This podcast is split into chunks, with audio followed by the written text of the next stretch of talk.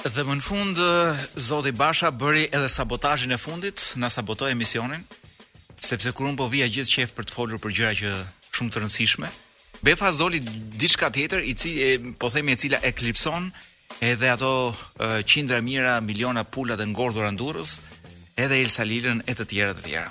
Kështu që një sabotim i fundit, Basha nuk është më siç e keni marrë vesh besoj. ë uh, nuk është më kryetar i PD-së dhe loja politike sa vjen e bëhet më interesante. Kush do t'i fusi shkelmin tjetrit? Kush do të përdor gishtat? Kush do përdor gjëra më të rënda se sa gishtat për të eliminuar kundërshtarët? Të gjitha këto në një opozitë të, të përçar edhe që është pak a shumë si puna atyre pulave të shkalafitura nga gripi, Ë, pra, gjithë kjo shkalafitje do të zhvillohet edhe më shumë në dramën që pason. Kohëra të rëndësishme dhe interesante po jetojmë. Ndërkohë, unë zgjohem ditë për ditë me me një mendim, gjëja e parë që mendoj është a ka rën Mariupoli. Hap lajmet, nuk ka rën, jam pak si më i qetë. Sepse nuk e di pse kemi gjithmonë nga një mendim në kokë kur zgjohemi në mëngjes, mendimi im është në përgjithësi në lidhje me luftën. Këto dy ditët e fundit mendimi im nuk ka qenë shumë lidhje me luftën sepse mendimi i parë që më vinte në mëngjes ishte çfarë duhet bëjmë me Elsa Lilën. Që nga nesër ndoshta mund të kemi mendim tjetër të tipit çfarë do bëj që sot e tutje Lulzim Basha në jetë. Domethënë çfarë mund të bëj me çfarë pune mund të merret. Ëm unë mendoj që mund të ishte një komentator shumë i mirë sportiv. Domethënë, mund të ishte nga më të mirët madje komentator sportiv sepse mjafton të aplikojë gjëra që ka mësuar në politik në skemat e futbollit edhe besoj që do t'ia dilte shumë mirë. Çfarë duhet të bëjmë me Elsa Lilën? Kam një Këta ishin Rammstein me Zeit dhe thashethemi më i fundit që qarkullon në radio është që është hapur një vend i lirë për mezzo soprano në Teatrin Kombëtar të Operas dhe të Baletit dhe ndoshta Lul Basha thuhet që mund të aplikojë aty për mezzo soprano. Edhe pse unë mendoj që ka potencial shumë të madh jo vetëm në muzikë, por edhe në kinema. Sepse le të themi që është një seks simbol i i politikës së sotme. Kështu pra, jemi tek pjesa e lajmeve ë të javës kaluar ë ka ndodhur shumë gjëra, për shembull filmi misterioz me këto shpendët e ngordhura në Durrës është do thoja unë shokues. ë e para na kishin mbajtur të fshehtë një nga gripet më simpatik që qarkullojnë dhe më interesant që ishte gripi i shpendëve. Dhe dëgjoj që kanë vdekur 500 mijë pula, kanë ngordhur, domethënë, po prapë ato kur janë 500 mijë pastaj është ku di unë, si të kenë vdekur 50 mijë elefantë apo 200 delfinë apo edhe nja 5-6 njerëz. Gjithë kjo sasi pulash nuk është diçka e vogël. Dhe ministria thotë që kanë ngordhur 200 mijë, pronarët këmbëngulin që janë 500 tani ka dalë edhe një qindshe tjetër tash së fundmi. Seç ka një kështu një mosdakordësim për nja 300 mijë pula, Gjëra të vogla, si me thënë. Mosdakordësime shqiptare. Ndërkohë që për fat të mirë, domethënë pulat ikën, por për fat të mirë Duka nuk ka ikur akoma, ka fituar mandatin e 6. Ë, si me thënë, një tjetër humbje për kryeministrin në betejën e tij kundër të keqes. Polici, policia e Tiranës lexoj këtu paska zbuluar 4000 vepra arti të vjedhura, një 31-vjeçar në pranga, dhe për të qenë i sinqertë ky lloj lajmi nuk më thotë asgjë. Mu më habit fakti që kishin ngelur 4000 për t'u vjedhur. ë ndryshonte puna në qoftë se do ishin vjedhur nja 4000 shiringa botoksi, sigurisht që do shqetësoheshim të gjithë. Por për veprat e artit jemi tmerrësisht pak të interesuar. Kryeministri ka paralajmëruar që e hëna mund të jetë një ditë pa makina, pra çdo e hënë. ë mund të jetë një ditë pa makina, tre ditë në javë punë nga shtëpia thotë dhe sipas tij kjo është zgjidhja. Dhe e tha me gojën e tij që nuk e bën këtë për ekologji sepse si lider botëror që është, nuk i bëhet vonë për ekologjinë. Ai është një lider i vërtetë dhe liderat e vërtetë hyjnë në lojë vetëm kur ka nevojë për kursim. Pra kur duan t'i thonë njerëzve kurseni. Tani unë pres që lëvizja e radhës e kryeministrit në kuadrin e kursimit gjithmonë të jetë dita ku ai të dalë në televizion e të sugjerojë për shembull ku di unë gjëra të tipit e shtuna do jetë dita pa kos. Ose e premtja le të shpallet një ditë pa byrek. Të gjitha këto në kuadrin e kursimit. Derisa pastaj të eskalojë situata deri në heqjen edhe të byrekut me spinaq e ku di unë. Perla e radhës ka ardhur nga ministrja e ekonomisë me 130 euro në muaj ka thënë nuk je i varfër. Këtu duhet të them me shumë, më duhet të them me, me seriozitetin më të madh që ky është një nga kopilliqet më të mëdha të kësaj qeverie, e cila prej vitesh nuk shpall se sa është minimumi i varfërisë në këtë vend. Dhe në mos u gabofsha, se mund dhe të gabohem, kjo shifra është e para nja 10, 12, 15 viteve, nuk e di kur, dhe kjo 130 euroshi në muaj nuk ndryshon prej nja 10 vjetësh, kur në fakt kjo duhet të kishte vajtur me gjithë inflacionin e tjera e tjera, duhet të kishte vajtur, ku di unë, ndoshta dyfishi i kësaj, Ehm, sepse e vetmja mënyrë se si un mendoj që mund ta zgjidhim nëse njeriu jeton dot apo jo me 130 me një minimum 130 euro në muaj, është që të bëjmë një eksperiment social. T'ja heqim ministres të gjitha rrobat, dhe jo vetëm rrobat, po t'i heqim edhe shtëpinë dhe pastaj t'i themi për një muaj nën vështrimin e kamerave të përpiqet të haj, paguaj qeran, dritat ujin, Edhe të blej dhe rroba të reja për vete dhe për kalamajt me njëqind e tridhjetë euro në muaj. Dhe atëherë do e shohim nëse njëqind e tridhjetë euro në muaj janë të mjaftueshme për të jetuar në këtë vend apo jo. Kjo i bashkangjitet perlës tjetër të kryem DJ Wizi sa dëgjon biseda politike tak fut reklama. DJ Wiz, po i bashkohesh Lul Bashës në sabotimin e këtij emisioni. Domethënë do i bashkohesh korit të vajtojcave me sa kuptoj unë. Mirë, e, me lajme do të merrem ndoshta pak më vonë.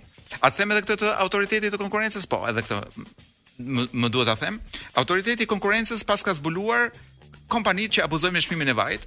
Dhe ky autoriteti është si puna e atij sinjalit e, anti-vjedhje t'makinave. Që bën iu iu kur vetëm fryn erë ose ku di un kalon ndonjë kalama aty afër, ama kur ta vjedhin makinën nuk bën iu iu. Bën iu iu mas 3 ditësh kur makina është ndërkohë ka bër gjysmën e rrugës në Maqedoni.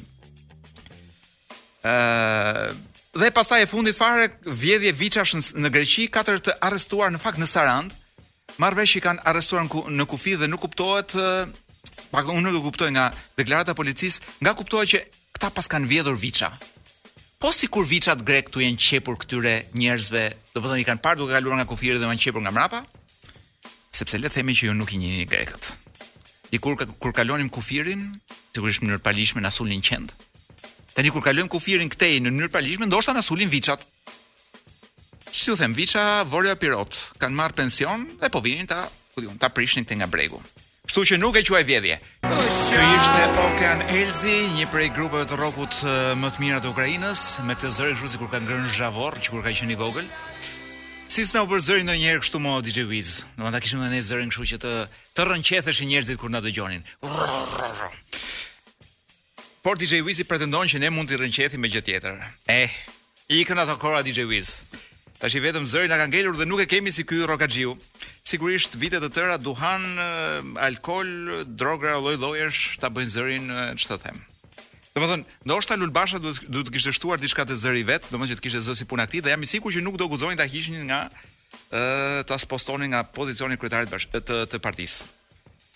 Çfarë kemi këtu? Kam një libër në duar, është libri Reginald Wyon, mes shqiptarëve të veriut. Një libër i cili përshkruan udhëtimet e autorit që është anglez, kanë qenë dy madje. Ky bashkë me një shokun e vet.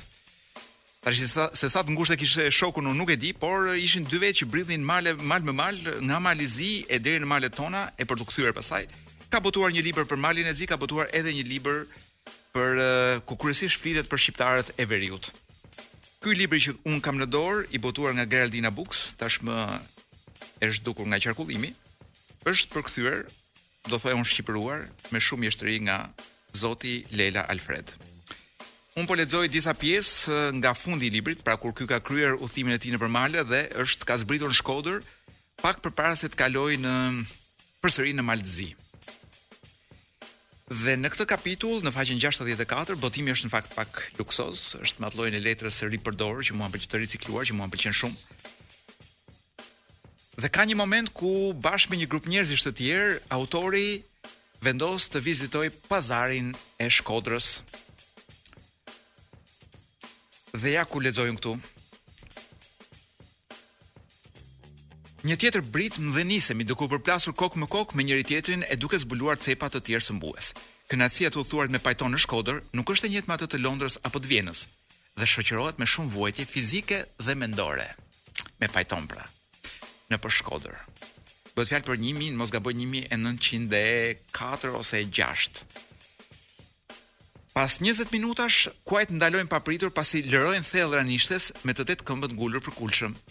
Profesori lëshon një fjalë jo dhe aq akademike, teksa më shtyn mbrapsht në sedilje dhe kur kapiteni e gjen kapelen e tij, ne vazhdojmë në rrugën verbuese. Mijëra shqiptarë, burra, gra dhe vajza, mbulojnë një copë toke të pajetë. është tregu i druve, ku mushka, gomerë dhe kuaj të vegjël qëndrojnë durueshëm nën barrat e tyre të stër, nën barrat e tyre të stërmëdha, duke fshikulluar pafundësinë e mizave me ritmin e një akrepi ore. Pra, DJ Wiz arrin ta imagjinosh ç'ndodh aty tek ai tregu i druve. Domethënë miza gomer kuaj, vazhdojmë leximin. Përreth nesh shtyhen burra të mëdhenj me kostum të çdo fisi të malësorëve shqiptar të paarmatosur, por me gjerdanin e pashmangshëm të fishekëve përreth brezit. Të pashëm dhe të lartë. Ata janë një kokë më të gjatë se ushtarët turq, të cilët ndjekin me pushkë në dorë e pa gëzim një tetar me pamje të drobitur. Futemi në pazar, një kthinore rrugicash të shtruara keq ndërmjet qoshkash të thjeshta prej druri, ku shpalosen përzierje përzierje pështjelluese mallrash, brezash pa shije, pushkësh dhe karabinash të vjetra. Ka qendisma orientale, tesha shqiptare, mishra duhmues dhe stoli një kacillës, një kacillëshe. Është pak a shumë si këto dyqanet si puna gabit ose këto dyqane që janë ku di unë me me 1 euro futesh dhe blen shumë gjëra. Strehat takohen kur rrugicat ngushtohen, duke lënë vetëm një rrip blu qielli, përmes të cilit dielli futet fort si thikë në atmosferën avulluese. Zezakë, aziatikë, gjithë elementet gjakpërzier të perandorisë turke janë tubuar në këto rrugina të ngushta. Tregtarë trupmëdhenj shkodranë, shkodranë me setrat qëndisur me një me qëndisur me një të artë të gëzueshme. Këmishat e mëndafshit, kapelet e kuqe, thekët e stërmëdhenj blu, tirqet e zeza voluminoze, me prerje të përkryer dhe çorapet e bardha. Pra çorapja e bardhë, se kot thonë që na, domethënë çorapet e çorapet e bardha na i sollën sllavët gjatë kohës së së Xhaxhi Enverit. Jo. Çorapja e bardhë paska qenë në modë që këtu e 110 përpara. Gratë me mantelet dhe rrubat ngjyrë alle dhe kudo sundues në shtat dhe në numër veshur në të bardhë, malësorët elegantë, pa alltitë e tyre vetëm pak orë në jetë. Sepse me sa kuptoj unë këta i linin, ja, thotë këtu. Ligji parashikohet që armët të lihen në vendroje, të cilat rrethojnë qytetin dhe nëse do shihnim vjedhurazi brenda një prej atyre kazermave vetmitare, do të shihnim muret e mbushura me armë të çdo lloji e marke të 30 viteve të fundit. Në çdo rrugicë endet një patrullë, turqit janë dukshëm nervozë dhe trupat në shërbim i kanë të gjithë këllëfët e revoleve të zbërthyer. Vetëm pak kohë më parë ushtarët turq dogjën një kishë të fisit më të fuqishëm të Shqipërisë Veriut, mirditorëve. Zyrtarisht turqit u kanë vënë embargo atyre, por në realitet janë mirditorët që kanë mbyllur rrugët që nxjerrin në det, duke shkaktuar pakënaqësi dhe kërcëllime dhëmbësh te tregtarët dhe shitësit e Shkodrës. Pritet shpagim dhe shumë zëra kanë qenë për mbylljen e pazarit. pasi mirditorët janë betuar se do të zbresin për të marrë hak. Ç'libër o DJ Wiz. Ikën ato kohëra kur vinin me pushkë, për shembull imagjino të vinim me pushkë në bllok, edhe të kishte vendroje rrotull bllokut ku ne të linim pushkët sepse dihet që brenda bllokut pastaj po t'u ndez gjaku ti e nxjerr uh, alltinë dhe ia shkrep ndonjërit në lule të ballit. Ë uh, tashi kanë ikur këto kohëra për mua DJ Wizin, ë që bëjmë luftën tonë me muzikë, po Ka shumë në Tiranë që luftën e bëjnë realisht me me pistoleta dhe me shotgun madje. Prit e dashur prit dhe mos u shqetëso se do shohësh që gjurmët e semenit, pra ato njollat e semenit, fshihen çuditërisht shumë lehtë nga sediljet prej lëkure të makinave të shtrenjta. E të tjera të tjera kishte pjesë nga teksti i kësaj këngës, që siç u thash më prek shumë si tekst. Është një lloj poezie urbane kjo Sleeping Under the Stars, të flesh poshtë yjeve dhe flet në fakt për dhimbjet e jetës DJ Wiz. Domthon dy ka dy forma ka njohur bota për të shprehur dhëmbkat e jetës. Ose me serenata korçare, me do me, me ato pjetorkat me gjërat, ose me këtë këngë këtu, Sleeping Under the Stars. Ë, tash i është edhe Maluma, siç e di mirë, një nga poetët më të mëdhenj që ekzistojnë në botën moderne, Dhe po shikoja edhe një një poezi të Malumës që fillon kështu, njëra më jep blow jobe, tjetra më bën të famshëm e të tjera të tjera. Kështu pra, kjo është diferenca ndërmjet Malumës edhe Pain of Salvation. Mirëpo, ka më shumë njerëz që pëlqejnë Malumën se sa Pain of Salvation, pse do thuash ti? Sepse e, Maluma në fakt me zgjuarsi edhe me bukurinë e vet tashmë mitike, ka arritur të kthehet në një instrument shumë të rëndësishëm të industrisë së muzikës. Patëm një debat të do thosha unë intensiv gjatë javës kaluar dhe dëgjova që ka njerëz që shqetësohen pse një pjesë e shqiptarëve sulmojnë ata që shkojnë në koncert me logjikën që mirë, kush më ndalon mua të shkoj e të bëj dhe protestën, të shkoj edhe në koncert. Ka një gjë këtu që mua domethënë më më më ngacmon shumë veshkën. Madje do thosha që më ngacmon dhe gurët në tëmth. Dhe është ky lloj debati. Me demek shqiptarët mund të bëjnë dhe protestë, po mund të shkojnë edhe te Maluma. Më duhet të them që nuk ka, në qoftë se janë 10 shqiptarë që ishin në protestë dhe shkuan te Maluma, dhe po m'i gjetët 10 me emra, un jam gati t'ju paguaj, domethënë atij që do më sjellë 10 emra, mund t'i jap edhe 1 milion lekë të reja. Ë, për një arsye shumë të thjeshtë, që njeriu nuk mund të dalë për të protestuar për çmimet, paradite dhe mbas dite të paguajë 65000 lekë apo ku di un se sa për shkuar dhe për të parë Malumën. Dhe më duhet them që në rastin e Malumës neve mund të vërejmë shumë mirë që siç kemi dele politike siç i quajmë, pra njerëz që politikisht janë dele dhe nuk i vlejnë shumë politikisht këtij vendi, Ka edhe dele muzikore. Dhe ndryshe nga njerëzit që thonë që ne që ne jemi të lirë për të zgjedhur dhe për të pëlqyer muzikën dhe për të ndjekur koncertet që na pëlqejnë, un jam kategorisht kundër DJ Wiz.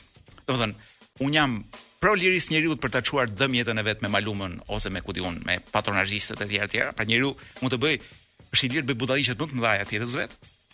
Por a duhet ne t'i justifikojmë ato? A duhet ne të justifikojmë shijen e lodhur dhe shëmtuar të njerëzve të cilët në jetën e vet bredhin nga ana muzikore po thosh do thosha un nga Maluma i Kolumbisë te një Malum shqiptar pra kaq është diapazoni i tyre muzikor një shije e keqe muzikore prodhon dele muzikore dhe delet muzikore në të vërtetë janë ata që kthehen dhe në dele politike sepse njeriu që është i ngushtë dhe i mbyllur nga ana muzikore dhe preferon të ushqehet me bar muzikalisht sigurisht që edhe politikisht bardo. Ashtu de. Kaq kisha unë. Do e kisha inatin kryesisht me delet muzikore. Dhe ne po bëjmë çmos që të hapim një çik syrin për të parë një çik përtej. Sot nuk është e hënë dhe do t'ju flas tani për atë që mund ndoshta mund të debatohet pak, por e kanë quajtur si një nga grupet ose e vetmi i vetmi grup muzikor i rëndësishëm në botë. Dhe bëhet fjalë për The Clash. The Clash e vetmi band, pra vetmi grup që kishte rëndësi, është është shumë e lidhur me kontekstin ku lindi dhe ku u zhvillua dhe ku shpërtheu. Një kontekst shumë politik në Britaninë në Britaninë at kohë. Pra pa këtë politikën e viteve 70-80 shekullit kaluar në Britani, edhe The Clash ndoshta nuk mund të kuptohen mirë. Unë i dua shumë si grup sepse unë kam një simpati të thellë për artistë të cilët uh, nuk bëjnë thjesht muzikë për të bërë para ose nuk bëjnë thjesht muzikë për të fituar zemrën e femrave, por bëjnë muzikë për të, domethënë për të luftuar për diçka. Dhe nëse ka pasur një grup që ka luftuar vërtet për diçka, kanë qenë The Clash. Dhe shumë e çuditshme fakti se ishte një grup punk, një zhanër jo shumë do thosha unë mainstream. Të paktën para se ta njohun muzikën, por kanë pasur një sukses shumë madh kanë disa prej albumeve të tyre kanë kaluar edhe në sukses nga këto don me me disa disqe platini që do të thotë shitje të larta e tjera të tjera. Më kanë pëlqyer sidomos për pjesën kur sulmonin Thatcherin, mbronin punëtorët e të tjera. Dhe një nga këngët e tyre politike është edhe, që është edhe do thosha unë nga më të njohurat, është London Calling. Në një kohë ku ende nuk e dinte njeri, jo vetëm në elit, në elitat politike, por edhe në elitat mjedisore, pakkush e imagjinonte shkatërrimin e botës nga pikëpamja mjedisore. Pra këtë pikë ku ne kemi arritur sot, The Clash e këndonin që në 1000 e ku di unë, Një mijë e nëntëqind e tetëdhjetë.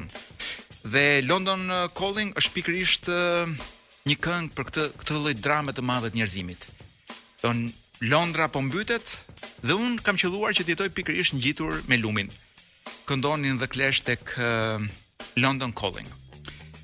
E gjithë kjo hyrje për këngën dhe për grupin për t'ju thënë që në Ukrainë kanë bërë një version tashmë Kiev Calling.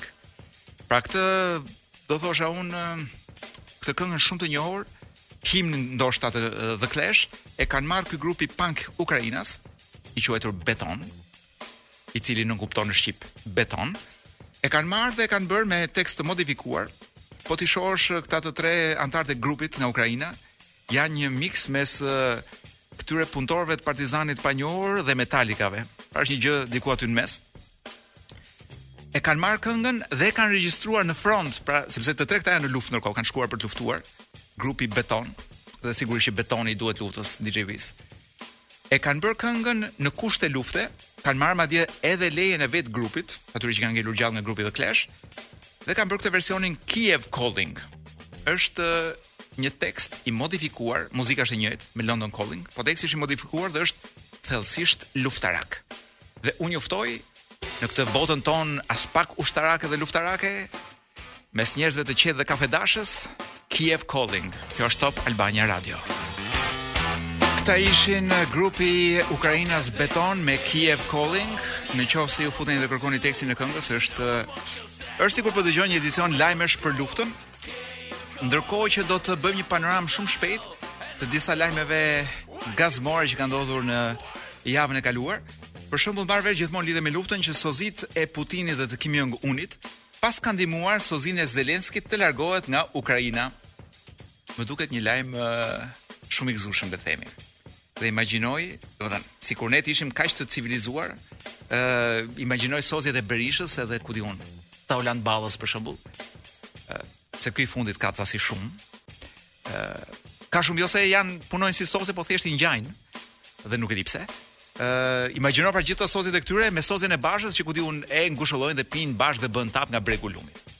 Kjo është vëllazëri mes sozjeve, sepse sozjet në fakt e kanë vetëm punë atë atë gjën që bëjnë dhe nuk u bëhet shumë vonë për jetën reale të atyre që që sozjojnë, le të themi kështu. Një tjetër lajm gazmor, po ky është gazmor prej vërteti, është që kompania e Mike Tysonit, Se ky paska bërë një kompani e cila prodhon kek hashashi, pra kompania e këtij që prodhon kek kek hashashi, i prodhon në formën e veshit të ngrënë. Dikush mund të mendojë që është një gjetje shumë e fortë po themi për për të bërë marketing, unë nuk jam shumë i sigurt, Sepse kam përshtypjen që kur je nën efektin e hashashit çdo gjë duket sikur është veshi i, i biles edhe vetja jote të duket sikur ke veshin e ngrënë. Kështu që nuk më duket që përveç paranojës këto kekët me në formë veshi të të, të këputur, domethënë të, të kafshuar, nuk më duket se do bëjnë shumë efekt. Po ku di unë fund fundit. Unë i vetmi bar që konsumoj në jetë është selinoja. Edhe atë me masë dhe nën kontrollin e mjekut. Kështu pra, këto ishin lajmet gazmore nga bota. Ah, po, edhe një gjë tjetër, qeset me patatina është vendosur që do të kenë 5 patatina më pak për shkak të inflacionit, por duke mos rritur çmimin. Se këtu tani mirë që rrisin çmimin, po i fusin dhe ujë. Domethënë, ë uh, unë do isha që t'u lutemi që vetëm t'i fusin ujë dhe të mbajnë çmimin. Ose të na thonë që në filan pompë e keni vetëm me ujë dhe në filan pompë e keni vetëm me shtim çmimi. që të paktën të kemi mundësinë zgjedhim, duam shkatrojmë makinën apo të shkatrojmë portofolin. Kjo puna e patatinave, pra qeseve me patatina është jo vetëm e mirë që sepse kjo lloj transparence le të themi e bën botën një vend më të mirë, por do ndihmojë DJ Wizin që të mos hajë më aq shumë patatina sa ç'hante dikur. Sepse DJ-t, ndryshe nga ç'mendoni ju që vdesin për kek hashashi nga të Mike Tysonit, jo. DJ-t kanë fiksim jo keket me hashash, por kanë um, Pse të gënjej? Keket me hashash kanë qef. Desha thosha që kanë qef patatina, por nuk është e vërtetë. Kjo ishte kënga e Biagio Antonaccit, Mio Fratello, ku ky i vogli qahet për atë të madhin, i cili është ishte një lloj vllai nga këto që më mirë ta don. Është mirë ta kesh, por është më mirë të mos e kesh. Po një vlla që unë do doja ta kisha, të paktën si ky, një vëlla më të madh kuptohet, si ky që përshkruan Biagio Antonacci te kënga e vet. Dhe gjëja që më ka bërë përshtypje DJ Wiz është kur shëtis ndonjëherë jashtë Tirane, ë neve jemi mësuar që Tirana është përgjithësi shpia jonë, kafja jonë dhe puna jonë dhe rruga nga në përgjithësi rruga nga nga parkingu i shtëpisë për në parkingun e punës. ë dhe në një ndonjë restorant i fundjavave jashtë Tirane, për shembull kjo është gjithë Tirana për ne, sepse jemi mësuar që të mbyllim sytë ose të mos e shohim shëmtinë ose gjithçka që ndodh rrotull. Unë në fakt kam qejf të hap sytë, ia fus ndonjëherë për shembull marr marr skuterin elektrik dhe ia fus në vende ku s'kisha qenë kurrë ndonjëherë për kuriozitet. Dhe jo rrallë humbas DJ Wiz.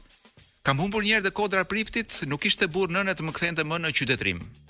Domethënë, se s'kishte as polici që të pyesja dhe gjithë njerëzit që që shihja më ngjanin sikur më ngjante sikur kisha kaluar kufirin, dhe isha në një vend tjetër. Ë dhe sa herë shëtis në vendet më të çuditshme, në kryesisht në vend në periferitë më të lodhura dhe më të varfra të Tiranës, ku mjerimi është kapicë. Pra mjerimi nëpër periferitë e Tiranës fillon që nga macet, që janë akoma më të kequshqyera se këto të qendrës, me qentë që janë gjithë zgjebe, të rrahur, të dhunuar dhe duke ngordhur urie, tek plehrat, tek shtëpitë e ndërtuara keq, papastërtia, njerëzit e veshur keq, një varfëri dhe mjerim që të mbyt, dhe mu në mes të këtyre vendeve shoh një Lounge Bar. Nuk e keni idenë sa janë shtuar lounge baret në periferitë e Tiranës. Dhe janë janë ngritur pikërisht në vende që as fjalën lounge nuk dinë ta thonë dhe un kam idenë që atje janë lounge bar. Pra lounge bare në vende ku jam kurioz të di se çfarë i duhet lounge bari. Ë për shembull po studioja pikërisht për të kuptuar këtë fenomen, po studioja se çfarë janë dhe si janë, don çfarë dallimi ka një bar nga një lounge bar apo nga një lounge bar. Dhe më rezulton që dallimet janë të tilla që ne unë nuk mund nuk mund t'i shquaj këtu në Shqipëri. Për shembull, këto lonxhet të ofrojnë një ambient me muzikë të qetë, të relaksuar, gjë që nuk ndodh në asnjë vend në Shqipëri. Domethënë sepse gjithmonë ke një tatata, një dadadum, dadadum të, të, në kokë. Ë moda më e fundit e lonxh bareve është ajo e muzikës jazz. Ë Larg qoft për shembull te Kodra e Priftit të kesh lounge me ose ku di un, në Kombinat të kesh lounge me muzikë jazz. Ëm dhe vetmja gjë që lounge-et tona kanë të ngjashme me lounge-et e perëndimit është janë këto poltronat shumë të rehatshme. Por çfarë ndryshimi ka ky nga një bar tjetër në Tiranë, i cili ka gjithashtu poltrona shumë të rehatshme?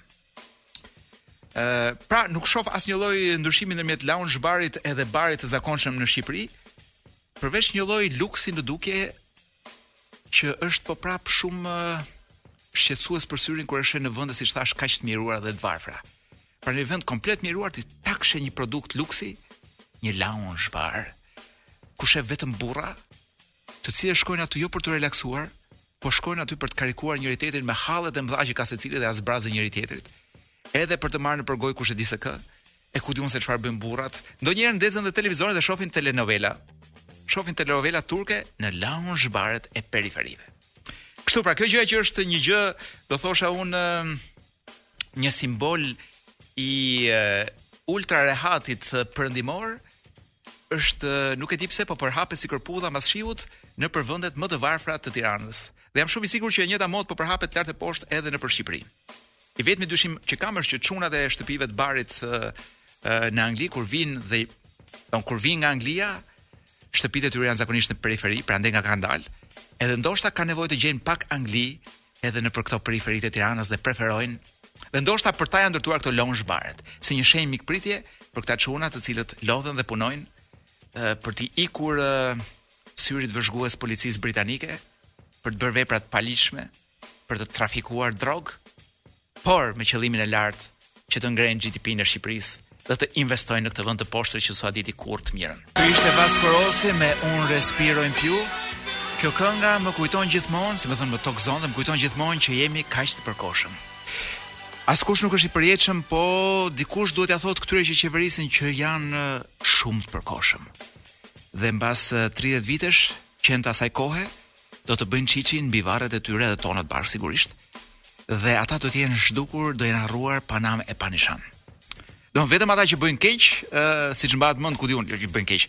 ë ata që bëjnë vep, vetëm vepra të zeza do të mbahen mend. Kështu që nëse kanë shpresë të mbahen mend, le të vazhdojnë me veprat e zeza se do të kujtohen. Por prap, nga që janë edhe ata shumë të përkohshëm, bëhet ai muhabeti me çiçin dhe me qentë. Tani DJ Wiz, Ë do flasim për seksin.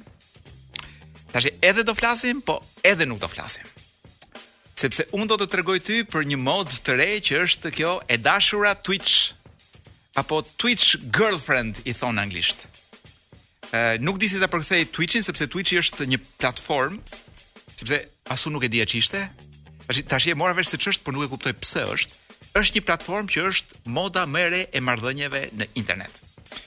Domethënë, është një platformë ku njerëzit futen për të parë të tjerët që bëjnë gjëra. Jo. Jo ashtu gjërash që mendon ti. Pra jo gjëra seksi. Pra fut, po e zëm sikur unë dhe ti futemi në në në këtë Twitch-in, në platformë, Dhe shohim se si një gocë aty që mund të jetë edhe në, ku diun, edhe në në në Maldive ose mund të jetë edhe në në Groenland ose në Zelandë të Re ose edhe në Guinea Bissau, e shohim thjesht që gatuan, fshin shpinë. Dhe maksimumi që mund të bëjë ajo është që të lëpi mikrofonin për të lozur. Pastaj e shohim kur ha karamele ose kur ha grosh ose ku diun. Pra vetëm e shohim. Dhe gjëja që ndodh është që mirë, është kjo eksperienca që ti e sheh atë.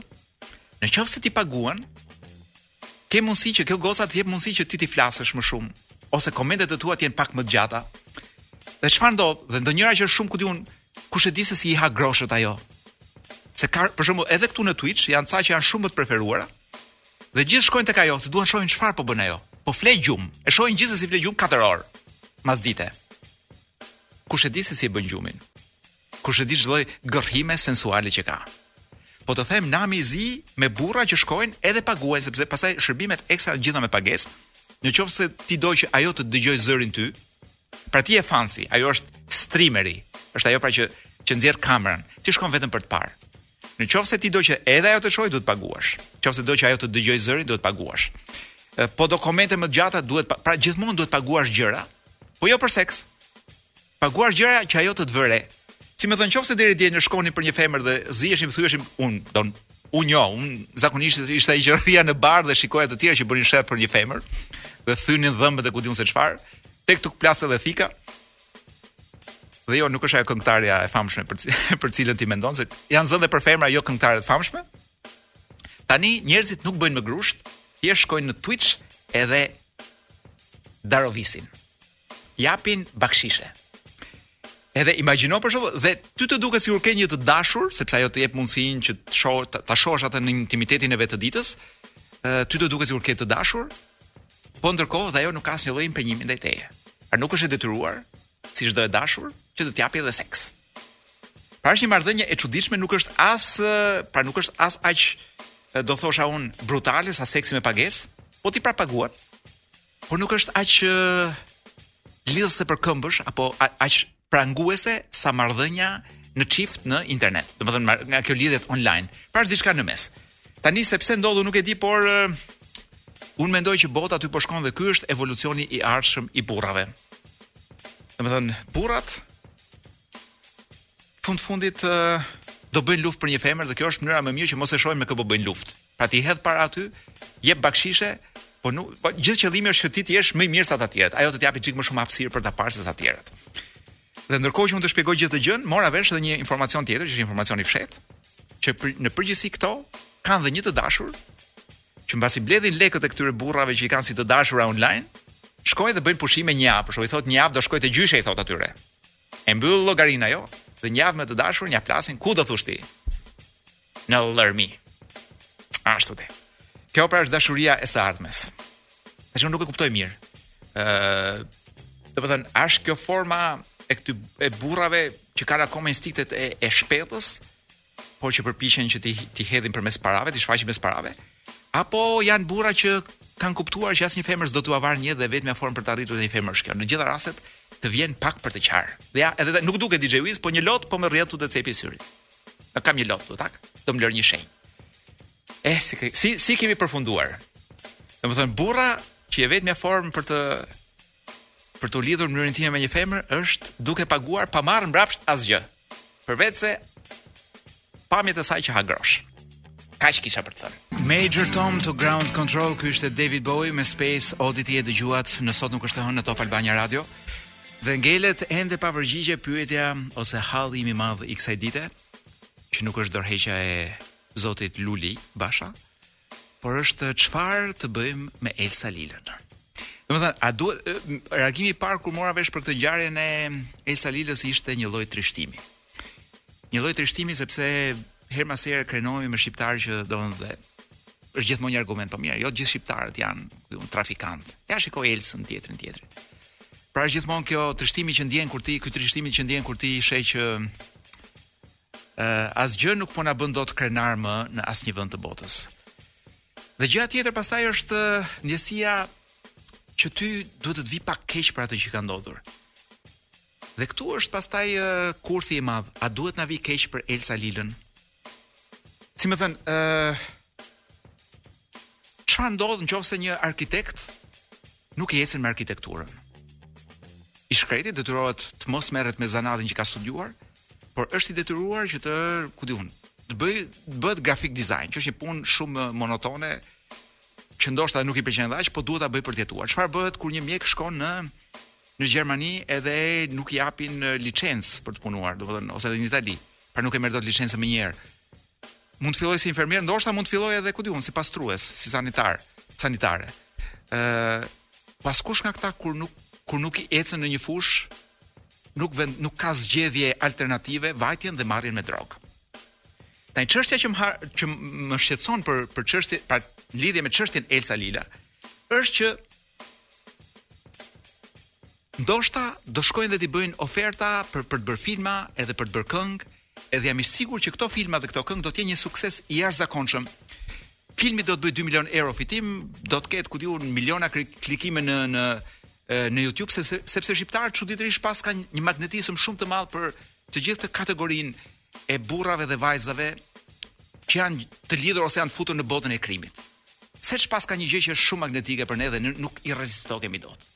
Pra një film me Elsa Lilën do të jetë një super sukses i jashtëzakonshëm. Që praktikisht do ta ristabilizojë zonjën Lila, ë uh, dhe jo vetëm kaq, po do e bëjë edhe më të famshme se ç'ishte. Kështu që problemi nuk është ndoshta me Elsa Lilën, problemi është brenda vetes tonë që Ne si popull nuk e kemi kuptuar akoma se çfarë duhet të bëjmë me gjithë këta vipat tanë që herë mas herë dalin të implikuar ose me krimin ose të të, të lidhur me njerëz që janë të lidhur me krimin. S'e kemi kuptuar sepse a mos ndoshta thellë thellë neve të gjithë kemi të njëjtën alternativë B. Brenda vetes gjithë do dojmë që meqenëse nuk po na ecën në këtë në këtë gjë që po bëjmë ose në këtë punë që po bëjmë ose në çfarëdo lloj biznesi që hapim, a mos vallë alternativa B për të gjithë është që ore hajt i fusim një dorë me drogë edhe edhe si më të bëjmë jetën e ëndrrave. Kështu që ky është shqetësim i madh dhe nuk ka të bëjë shumë me Elsën sa ka të bëjë me ne si shoqëri që unë mendoj që ne si shoqëri kemi vetëm dy alternativa në jetë. Tek e para hamë gjithmonë dru dhe gjithë puna është kush është i guximshëm për t'iu futur alternativës B. Elsa Lila ka qenë shumë e guximshme dhe bravo i qoftë, themi ne. Tashi kjo bravo i qoftë, deri diku thuhej me ironi tani e themi me një lloj me një lloj respekti. Unë më duhet të them që këtë bravo i qoftë nuk e përdor kurrë, Edhe unë s'mund t'i them kurrë bravo as Elsës, as shoqeve të saj modele këngëtare apo çfarë janë tjetër, të cilat vendosin që në një moment të caktuar të jetës, e vetmja mënyrë për të krijuar një standard është shoqërimi me krimin. Kështu kështu pra nuk ka bravo për mua për Elsa Lilën dhe është një turp i madh për të. Edhe nuk ka pikë mëshire. Asnjë mëshirë për Elsa Lilat, edhe për shoqet e tyre. Kështu DJ Wiz. Tani le të vëmë një gocë e cila nuk është kapur akoma me, me kontrabandë. Kjo është Florenca. Ah, nuk ka këngë? Fare? Ah, po. Do e mbyllim me këngën e Florence and the Machine, The King. Ne rikthehemi mbas një jave, sot nuk është e hënë. Unë jam Koloreto Cukali dhe çdo gjë që unë them këtu nuk do të thotë se e ka thënë Top Albania Radio, e kam thënë unë personalisht. Kështu pra inatin kapeni me mua dhe jo me radion. Shifemi, ma... shifemi. Do shifemi në radio mbas një jave.